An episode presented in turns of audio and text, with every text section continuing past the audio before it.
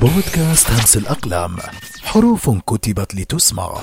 السلام عليكم ورحمة الله وبركاته.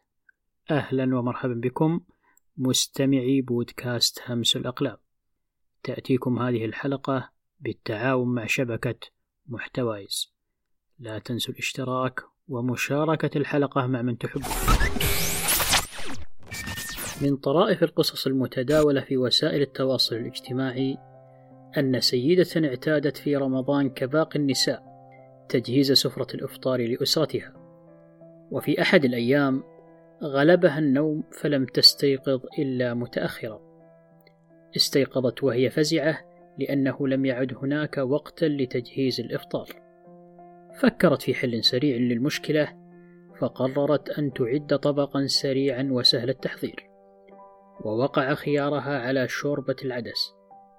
أعدت كمية كبيرة وقامت بتقسيمها في أواني ثم وزعت الأطباق على الجيران وهم بدورهم قاموا بإعادة تلك الأواني وقد ملئت بشيء من طبخهم كعادة الرمضانية وطلبا للأجر والمثوبة. وقبيل المغرب اكتملت السفرة من مختلف الأصناف وخرجت الزوجة من هذا المأزق بعد أن قدمت سفرة متنوعة ومختلفة عما اعتادته الأسرة. ما قامت به الزوجة هو ما يعرف بفن إدارة الأزمات فعندما تقع المشكلة يتباين الناس في تعاملهم معها فهناك من يسيطر عليها ويخرج منها بأقل الخسائر وهناك من يضيق ذرعا بها ويفقد السيطرة على نفسه وعليها فتتفاقم المشكلة وتزداد تعقيدا وسوءا. ولنتعرف على كيفية التعامل مع الأزمات والكوارث وإدارتها. والسيطرة عليها علينا أن نعرف ما هي الأزمات. تعرف الأزمات على أنها تهديدا خطرا متوقعا أو غير متوقع لأهداف وقيم ومعتقدات وممتلكات الأفراد والمنظمات والدول والتي تحد من عملية اتخاذ القرار.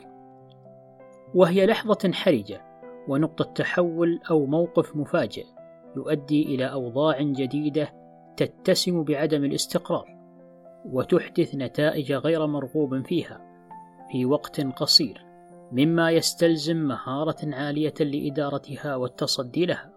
غير أن ذلك ليس بالأمر المتاح في كل الأوقات فعادة أثناء الأزمة تكون الأطراف المعنية غير مستعدة أو غير قادرة على المواجهة.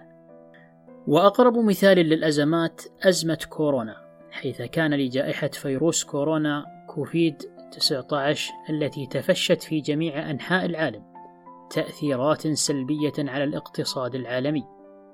فقد أدت الجائحة إلى تباطؤ الاقتصاد العالمي وخسارة ملايين الأشخاص لوظائفهم وتغيير شكل الحياة المعتاد.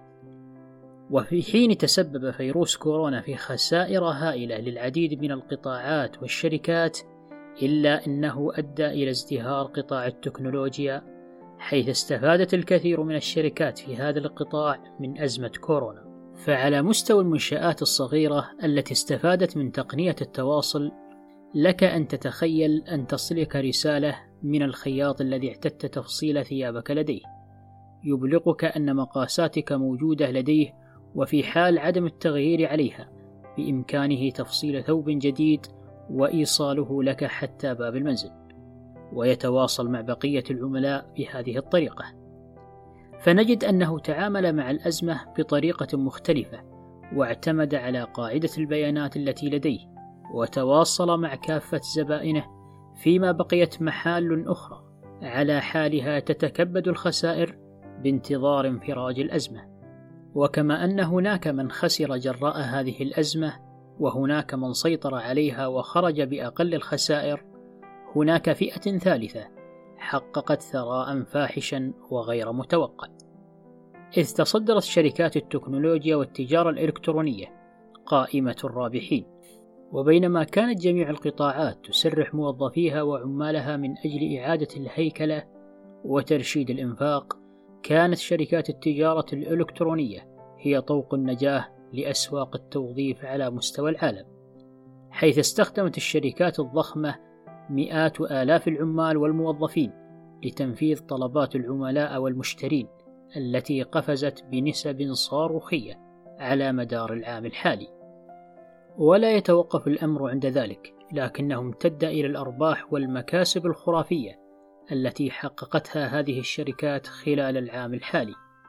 ومن الشركات التي حققت أرباحا كبيرة خلال هذه الجائحة شركة التجارة الإلكترونية الأمريكية أمازون حيث بلغت القيمة السوقية لها 1.6 تريليون دولار بحلول نهاية ديسمبر 2020 مقارنة بالعام 2019 مما يعني أن القيمة السوقية للشركة زادت بمقدار 717 مليار دولار خلال عام واحد فقط.